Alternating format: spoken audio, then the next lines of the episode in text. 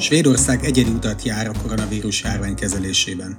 Némi leegyszerűsítéssel azt mondhatjuk, hogy nem bíbelődnek a görbe lapításával, helyette azt szeretnék, hogy minél előbb kialakuljon az úgynevezett nyáimmunitás.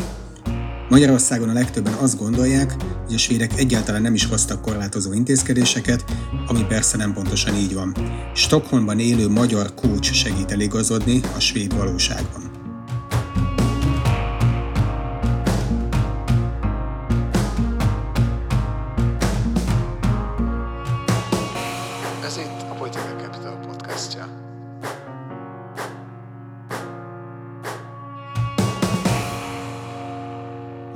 Robert vagyok, vendégem Bán András, Stockholmban élő coach, a Bezzeg a Svédek című blog és a Halottnak a Coach című podcast szerzője, szerkesztője. Szia! Köszönöm, hogy a rendelkezésünkre állsz. Üdvözlöm a hallgatókat, szia, nagyon szépen köszönöm a meghívást, megtiszteltetve érzem magamat. A Bezzeg a Svédek című blogodon április 10-én, tehát már jó egy hónapja írtad, idézem, a koronavírus járvány kapcsán amikor Európában a svédek az egyetlen ország, ahol komolyabb korlátozás nélkül hozzák le eddig ezt az űrletet, azt érzem, hogy az inga visszalendült a másik szélső pontjára. Talán túlságosan kipárnázott életet éltek mostanáig a svédek, és elkényelmesedtek? Az utóbbi 200 évben nem volt háború, és a száz évvel ezelőtti éhínség óta semmi komoly baj nem érte őket. Olyan, mintha nem lenne veszélyérzetük. Idézet vége. Továbbra is így látod, hogy Innen eredeztethető az, hogy a svédek egészen egyedi utat követnek a nyáimmunitás minél gyorsabb kialakulására törekedve? Túlságosan biztonságos volt az életük, és sérthetetlennek érzik magukat? Nagyon nehéz ezt megmondani. Tehát ott ebben a blogpostban, amit, amit most már több mint egy hónapja írtam, akkor felmerült bennem ez, mint egy lehetséges megoldás. Ezt még mindig nem vetettem el. Itt lehet még több egyéb motivum is a háttérben azért azt mindenképpen szeretném hozzátenni, mielőtt még ezt egy kicsit jobban kifejtem, hogy amit a felkonfban mondtál, hogy a svédek nem foglalkoznak azzal, hogy lapítsák a görbét, és hogy a nyáj immunitásra törekednek, ez hivatalos formában pont az ellenkezője van kommunikálva.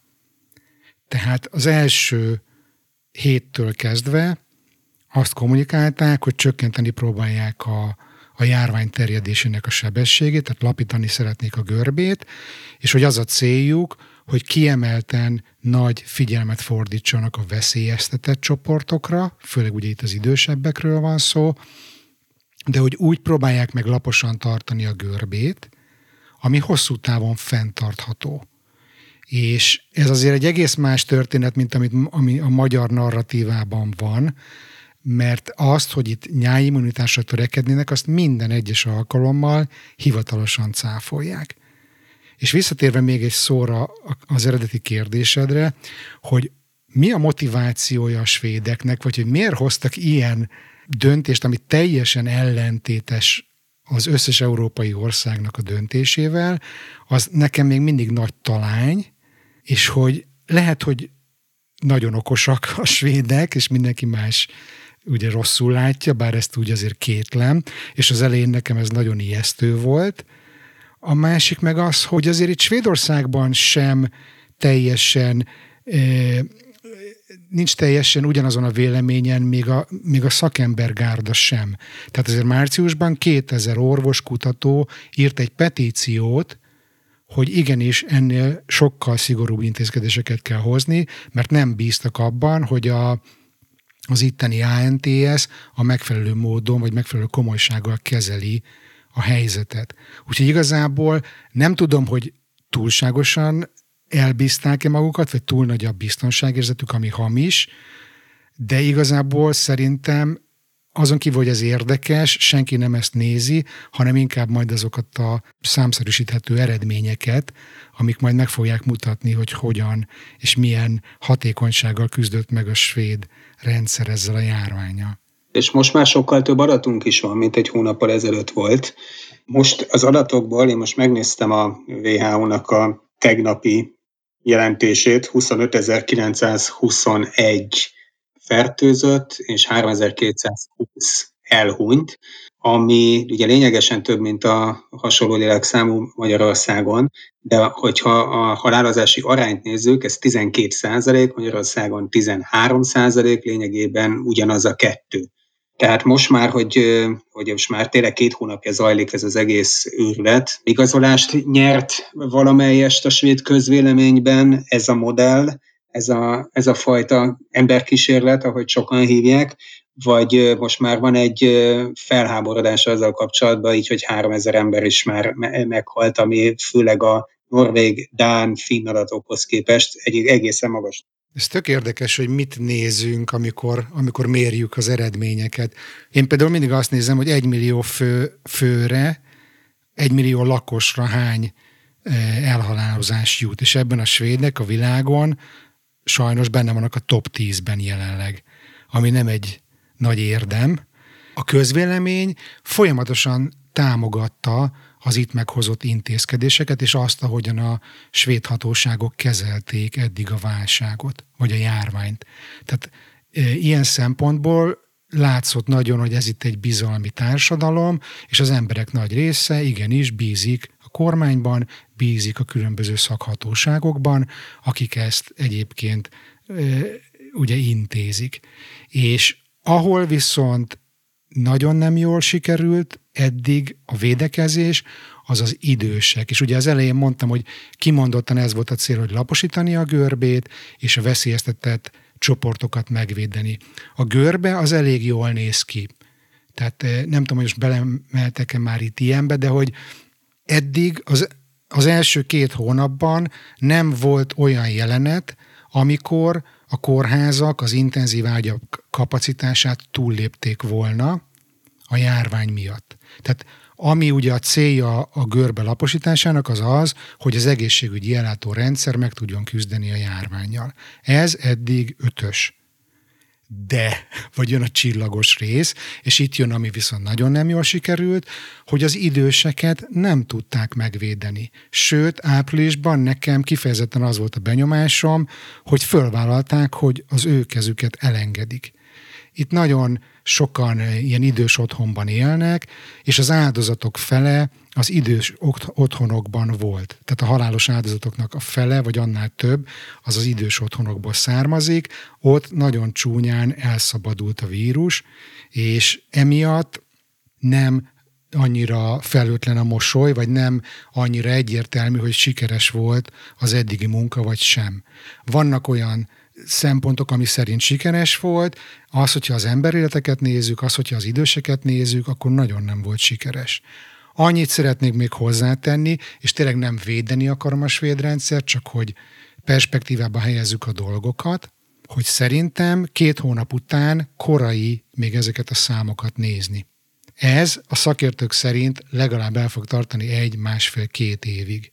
Én azt gondolom, hogy amikor már mindenki be van oltva, vagy valami csoda folytán magától megszűnik a járvány, majd akkor nézzük meg a végösszeget, hogy melyik országban hány elhunyt jut az egymillió lakosra. Mert én azt gondolom, hogy most a svéd hozzáállás miatt természetes az, hogy sokkal magasabb számokat látunk, mint más országokban. Bár nekem itt van ez a top, top lista, és tökre érdekes, hogy ugye mindig a svédekről beszélnek, a hollandoknak ugyanennyi haláleset jut egy millió főre.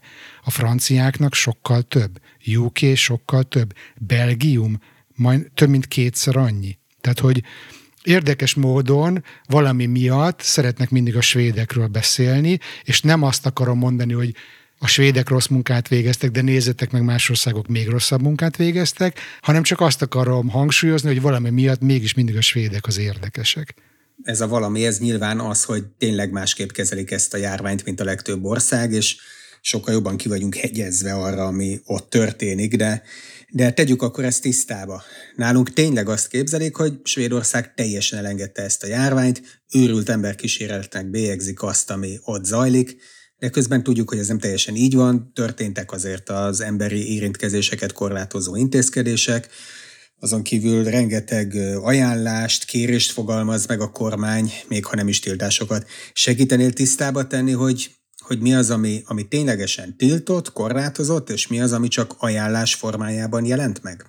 Ami történt, az, hogy az március első heteiben fölállt ez a válságstáb, minden nap délután kettőkor van egy sajtótájékoztató, ahol legtöbbször politikus nem állott, hanem a, az itteni, mondjuk úgy az ANTS-nek a, a vezetője, meg néhány szakember beszélnek arról, hogy hogyan alakult a helyzet az elmúlt 24 órában, mi az, ami, ami most a helyzet, és mi az, ami valószínűleg fog történni, és néha megjelennek politikusok, amikor nyomatékosítani kell olyan üzeneteket, mint például az olyan ajánlások, hogy a 70 év fölöttiek, ha lehet, maradjanak otthon.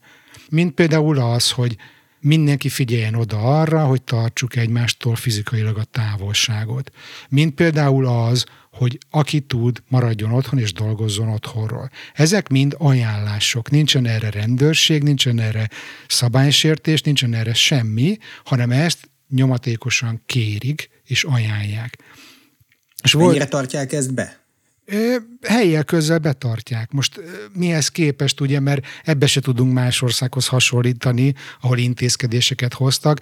Vannak itt különböző módszerek ezt nézni, hogy a, nem tudom, a Google Maps alapján, például nem tudom, azt olvastam most legutóbb egy-két nappal ezelőtt, hogy 40%-kal csökkent a tömegközlekedőknek a száma. Én azért múltkor egy Hetzből bebicikliztem egy péntek napközben ebédidőben a belvárosba, ahol alig volt ember az utcán. A turista negyedben, a várnál nulla ember az utcán. Tehát azért itt is eléggé érdekes látni a kiürült várost. Tehát azt gondolom, hogy hogy eléggé sokan betartották. Azt tudni kell, hogy Svédországban azért nem az a jellemző, hogy marha jó idő van, és nagyon hosszú a tél, és pont ez az időszak, amit most élünk, amikor megjön a napsütés, megjön egy kicsit a jó idő, és az emberek nem bírnak otthon maradni. Egyszerűen nem lehet hat hónap sötétség és hideg után otthon maradni. És mivel nincs tiltva az, hogy kimenjünk, ezért nagyon sokan ki is mennek, és tényleg itt a külvárosban, ahol én is lakom, itt azért vannak mondjuk a tóparton tömegjelenetek, az emberek úgy nagyjából próbálják tartani a távolságot, de nincsen az a hisztérikus, paranoiás hozzáállás, amit én már ilyennek látok a magyar barátok, rokonoktól halva Magyarországon. Tehát, hogy sokkal úgy mondom, hogy lazában kezelik az emberek, ami volt még intézkedés, ami viszont nem ajánlás, az tényleg az volt, hogy a felső tagozatos iskolai osztályokat, a gimnáziumokat és az egyetemeket azonnal átállították a távoktatásra, és csak a kisgyerekek meg, a, meg az ovisoknak maradt meg a, az oktatás úgy, ahogy normálisan menni szokott, de ők ezzel is hosszú távon gondolkoznak, sok kutatás azt mutatja, hogy a gyerekek az iskolában nem fertőznek, és hogy látjuk azt, halljuk a történeteket az otthonról dolgozó kisgyermekes szülőktől, hogy milyen terhet ró a szülőkre az, hogy nem elég, hogy otthonról kell dolgozniuk, ha egyáltalán megmaradt még az állásuk, de még napi 6-8 órában homeschoolingot kell csinálni a gyerekeiknek, mert ugye idézőjelben megy a digitális oktatás. Itt ezt egyértelműen látták, hogy ezt a kisgyerekekkel, meg azok családjával, ezt hosszú távon nem lehet megtenni, fölmérték a kockázatokat, és úgy döntöttek, hogy nyitva marad az iskola. Tehát én azt gondolom, hogy eléggé sok szempontot vesznek figyelembe, minden nap van egy sajtótájékoztató, ahol minden nap azt kommunikálják, hogy ha romlik a helyzet, akkor igenis be fogjuk zárni az iskolákat. És már fölkészültek a digitális oktatásra, de amíg nincs rá szükség, addig nem fogják megtenni. Tehát, hogy így kell elképzelni ezt a hozzáállást nincs is az a társadalmi nyomás, ami például itt volt, amikor egy péntek reggelen Orbán Viktor még azt mondta, hogy szó se lehet arról, hogy bezárják az iskolákat, és hogyha mégis úgy alakulnak a tanároknak fizetés nélküli szabadságra kell elmenni, ehhez képest aznap este bejelentette, hogy hétfőtől már át kell állni mindenhol, általános iskolákban, középiskolákban egyaránt a, a, a távoktatásra. Ez leginkább egy óriási társadalmi nyomással volt magyarázható, hogy, hogy a, a szülők azok már nagyon meg voltak kiedve, és, és igazából világos volt az is, hogyha nem tiltják meg a, a, az iskolai ö, oktatást fizikai valójában, akkor nem is fogják bevinni a szülők a gyerekeket. Ez nagyon érdekes. Az egyik érdekes vonulata nekem ennek az egész járványnak, és annak, hogy én hogyan élem ezt meg magyarként Svédországban, az az, hogy figyelem magamat, hogy a kelet-európai reflexeim bekapcsolnak, és, és hogy mennyire környezetidegen ez itt Stockholmban. És például nekünk is ez volt, március 15-én leültünk a feleségemmel, aki szintén magyar származású, és mondtuk, hogy na jó, hát ezek a svédek teljesen meg vannak hibbanva, tuti, hogy itt is be fogják zárni az iskolákat úgy, mint Norvégiában, meg Dániában például, úgyhogy vegyük ki a gyereket a suliból, ő is itthon maradt, és akkor vártuk, hogy majd bezárják az iskolákat. Eltelt egy hét, eltelt kettő, három, négy, láttuk, hogy ebből itt már nem lesz iskolabezárás, úgyhogy négy hétig ö, itthon volt a gyerek, beszéltünk a tanárral, ő mondta, hogy az első hónapban ö, átlagosan az osztályának az egyharmada hiányzott. Tehát, hogy nem csak mi voltunk azok a szülők, akik aggódtak, de hogy itt a rendszer van annyira rugalmas, hogy azt mondta a tanár, hogy annyit kér csak tőlünk, hogy ne beteget jelentsünk a gyerekre, hanem kérjük ki, el fogják engedni, csak hogy a statisztika miatt lássák, hogy hány olyan szülő van, akinek nem beteg a gyereke, de nem meri elküldeni iskolába. És az első héttől kezdve küldték minden hétfőn vagy pénteken a leckét, és meg volt egész hétre, hogy mivel foglalkozzon a gyerek. Tehát kvázi opció volt ez, hogy itthon maradunk, de mivel eltelt egy hónap, és nekünk is azért változott a hozzáállásunk, elmúlt a kezdeti félelmünk, és láttuk, hogy ez itt nem fog gyökeresen megváltozni a helyzet, és hogy itt hosszú távon kell gondolkodni, nem lehet egy évig itthon tartani a gyereket.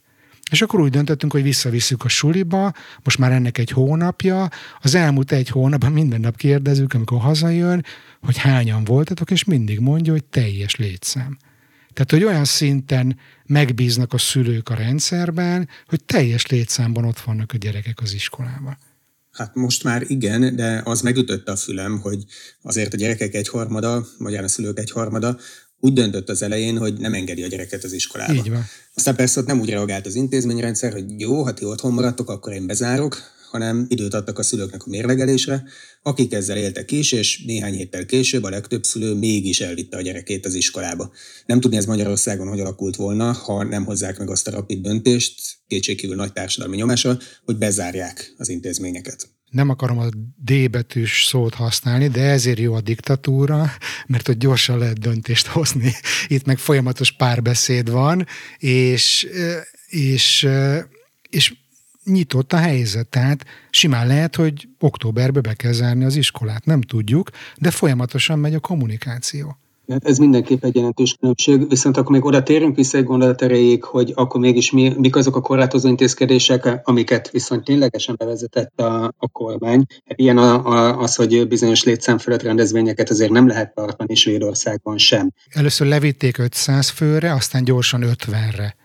Tehát, hogy a kulturális élet az gyakorlatilag meghalt, se mozi, se semmi semmilyen koncert, semmilyen nincs, 50 fő a limit. Ez elég jól árnyalja, hogy azért az nem igaz, hogy a svédek ne, ne léptek volna semmit, és teljesen szabadjára engedték volna a vírust. Nem. Ami még ilyen intézkedés volt, március végén bevezették, hogy az idős otthonokban látogatási tilalom van, de sajnos ez egy külön történet, a személyzet vitte be oda a vírus, nem a látogatók. Tehát nincs az, hogy nincsenek intézkedések. Én azt mondanám, hogy szerintem a helyes megfogalmazás az, hogy amíg Európában és Magyarországon is azt látjuk, hogy, hogy ez az all-in, ez a teljes satúfék van, addig svédek egy középutas megoldást próbálnak, húzd meg, erezd meg, és hosszú távra játszanak. Van-e olyan politikai szereplő, aki abszolút felelőtlennek bélyegzi a kormányt, és aki szigorításokat követel? Van, és most idézőjelben megdöbbentő módon az itteni populista párt, a Szverjedemokrát, akiknek egyébként nem tudom, akik a hallgatók közül nem ismerik, azért eh, elég erős náci gyökereik vannak, de ma már ők a populista párt, és én... Svéd. Igen, eh, nem a kedvenc pártom. Eh, az a helyzet, hogy ijesztő mértékben nőtt az elmúlt években az ő népszerűségük. Tehát, hogy pont most így a, készültem erre a beszélgetésre, és néztem, hogy decemberben, meg január elején ők voltak a legnépszerűbb párt Svédországban. Tehát fej-fej mellett a kormányzó szociáldemokratákkal, ők voltak a legnépszerűbb párt, 24%-on álltak mind a ketten, és az az érdekes, hogy ugye egyből nekiugrottak a kormánynak a torkának, hogy mindent lezárni, és, és hát amit, amit mondtál a kérdésedben, és tök vicces, vagyis hát nekem vicces, mert hogy nem drukkolok nekik, tök vicces látni, hogy februárban ugye fejfel mellett voltak 23 on és most, május 5-én ők visszaestek 20 ra népszerűségben, és a, a kormányzó párt, a szociáldemokraták meg fölmentek 30 ra és a kormányfő, a miniszterelnöknek állítólag 20%-kal nőtt a népszerűségi indexe.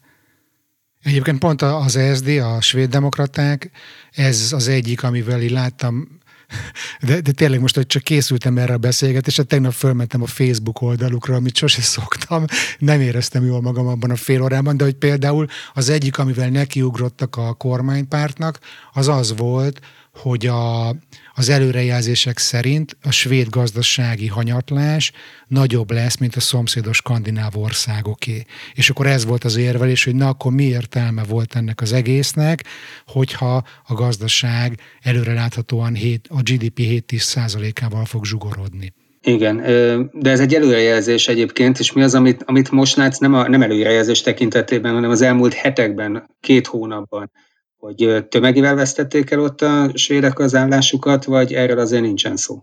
Az majd kerestem adatot, nem nagyon lehet találni. A svéd statisztikai hivatalnak a márciusi adat volt a legfrissebb, amit találtam. É, akkor még ilyen 7,2%-os volt a munkanélküliség. Megint előrejelzést tudok mondani, 10% körül várják, hogy ez tetőzőn, vagy nem tudom, mi annak az ellentétje, tehát hogy az, az, az, amire számítanak, az tény, hogy tízezresével vesztik el az emberek az állásukat, tehát azért hiába maradtak nyitva az éttermek, a fogyasztás az csökkent, ugyanúgy a turizmus, a légitársaságok, minden, ami utazással kapcsolatos csomó szolgáltató szektorban lévő állás az egyik napról a másikra az okafogyottá vált, és meg is szűnt meg azt azért tudni kell, és itt most vissza érvelnék a, a svéd demokratáknak, hát ha hallgatják ezt, a, ezt az adást, hogy szerintem Svédországnak sokkal inkább exportérzékeny a gazdasága, mint a szomszédos országoknak.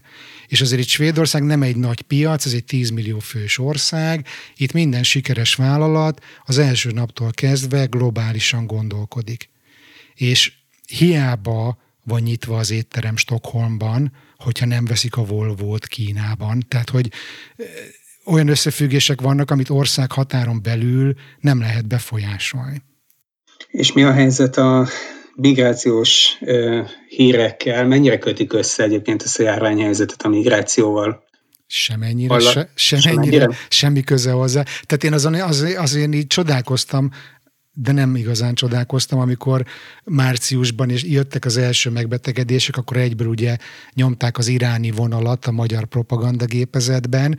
Kiderült, hogy az egyik iráni, az egy svéd, egyébként iráni származású svéd állampolgár diák volt.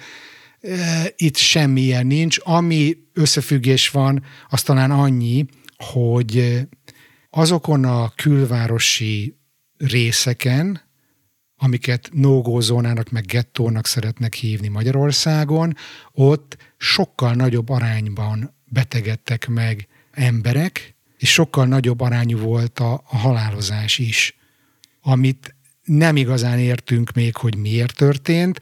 Egy dolog valószínű, sokan nem beszélnek ott svédül, és nem volt információ arabul, nem tudom milyen nyelven, aztán ezt gyorsan pótolták, meg valószínűleg az lehet, hogy sokkal összezsúfoltabban élnek, meg lehet talán, hogy a, a személyes higiénia nem olyan, mint mondjuk egy átlag svédnél.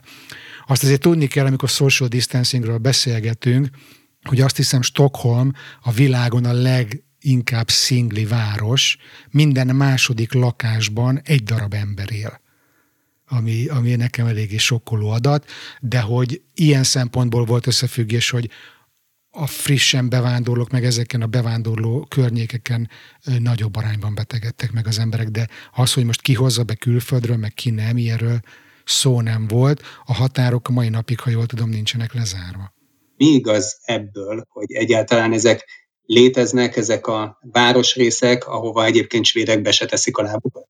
Amikor jönnek ide magyar rokonok, barátok látogatni minket Stockholmba, akkor mindig az egyik kirándulás az egyik ilyen legdurvább no zónába szokott menni. Tény, hogy van szegregáció. Tény, hogy van probléma, amit ők nem migrációs problémának mondanak, hanem integrációs problémának.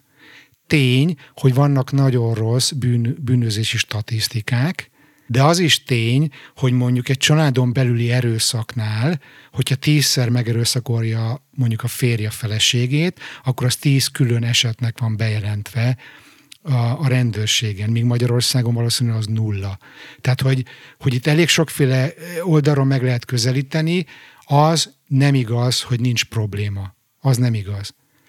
Az a kérdés, hogy hogyan áll Svédország hozzá ehhez a problémához. Ugye az már tök érdekes, hogy integrációs problémáról beszélnek. Azért azt látni kell, hogy 2015-ben az addigra már 30-40 éve jól működő bevándorlási rendszer, az kiakadt attól, hogy az a rendszer, ami évi 60 ezer ember befogadására van fölállítva, az nem tudta lekezelni a két 300 ezer menedékkérőt. Tehát ott nyilvánvalóan volt egy törés. És ott nagyon meg is ugrott egyébként a, a svéd demokratáknak a népszerűsége, meg utána kezdődött ez az el, hogy a, hogy a szociáldemokraták kezdtek el olyan korlátozásokat, szigorításokat behozni, ami egyébként a svéd demokraták programjában volt. Tehát folyamatosan próbálják ezt kezelni. De hogy én mindig elviszem az ismerősöket, barátokat ezekben a, ezekben a nógózónákba, amit úgy kell elképzelni, mint mondjuk az újpesti lakótelepet, ahol egyébként én fölnőttem. És nekem egy ilyen nosztalgikus érzés, úgy kell ezt elképzelni, mint egy tök kultúrált lakótelepet, ahol tényleg nem sok szőke kékszemű megy az utcán. Viszont nagyon színes kultúra van, a fodrászüzletet élmény megnézni, nagyon sok egzotikus kajálda, olyan közért, ahol, ahol mindenféle anyag, alapanyagokat meg lehet kapni.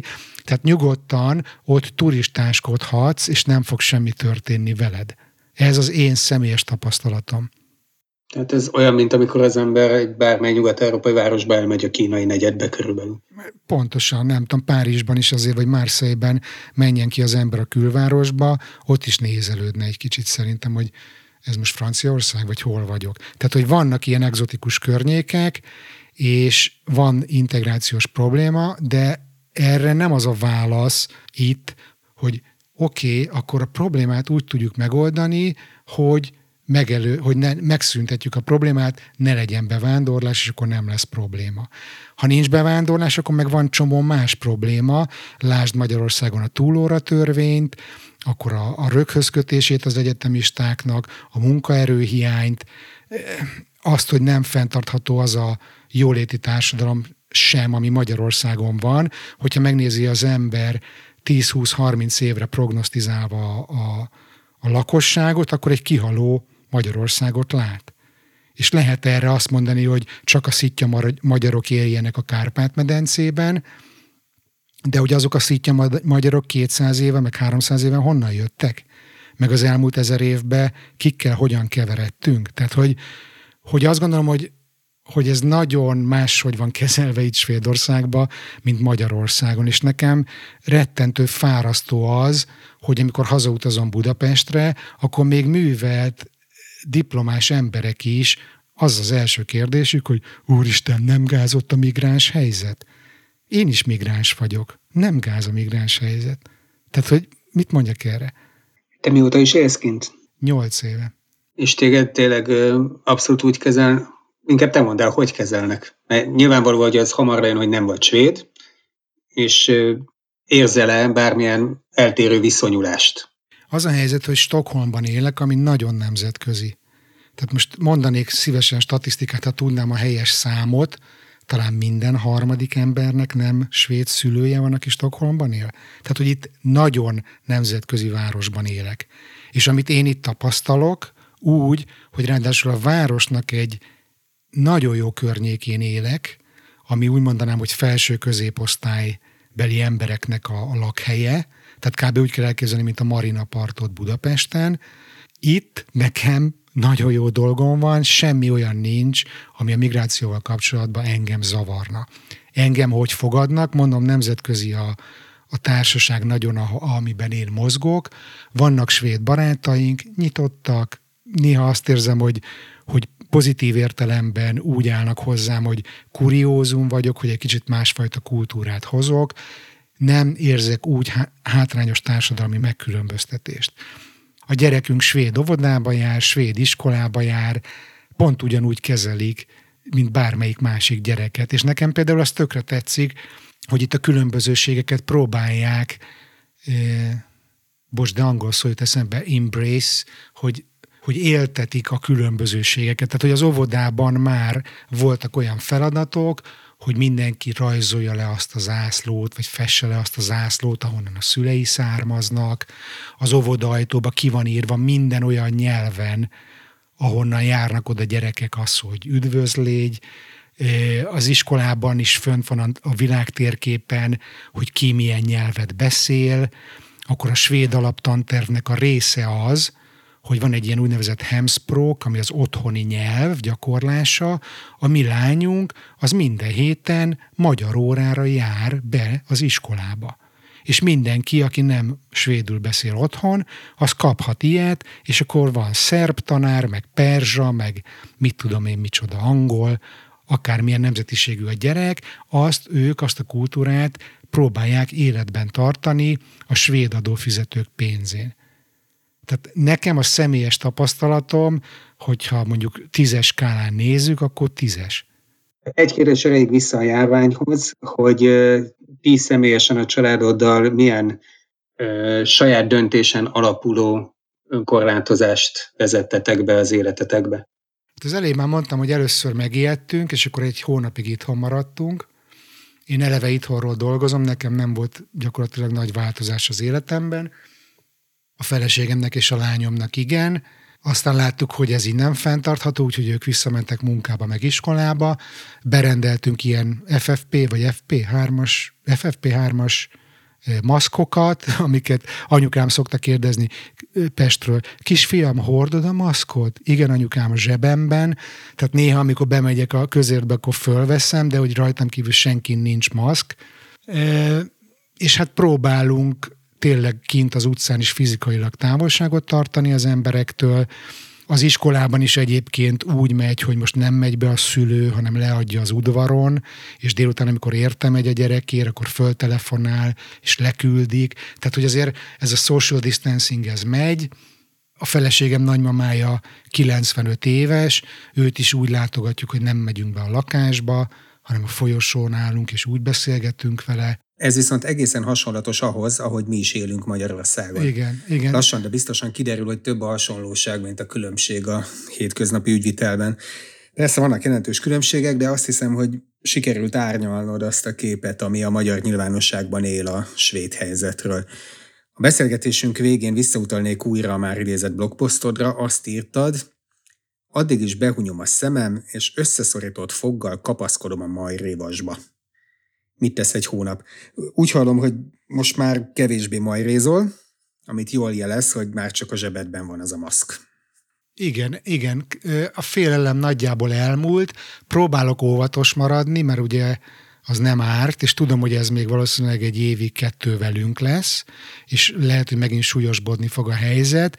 Ugye ez a nyájimmunitás egy nagy kérdés, hogy létezik-e egyáltalán, de azt mondják a szakértők, hogyha létezik, akkor itt május közepére, végére Stockholm régióban már megjelenik, ami engem egyébként nagyon megnyugtat, és kicsit ilyen mosolyal a számon, kíváncsian várom azt, hogy nyáron, ha haza tudunk utazni, nyaralni Budapestre, akkor ott hogy fognak ránk nézni, mint a hülyes védekre, vagy oda már úgy megyek-e, hogy immun vagyok, ezt még ugye nem tudom.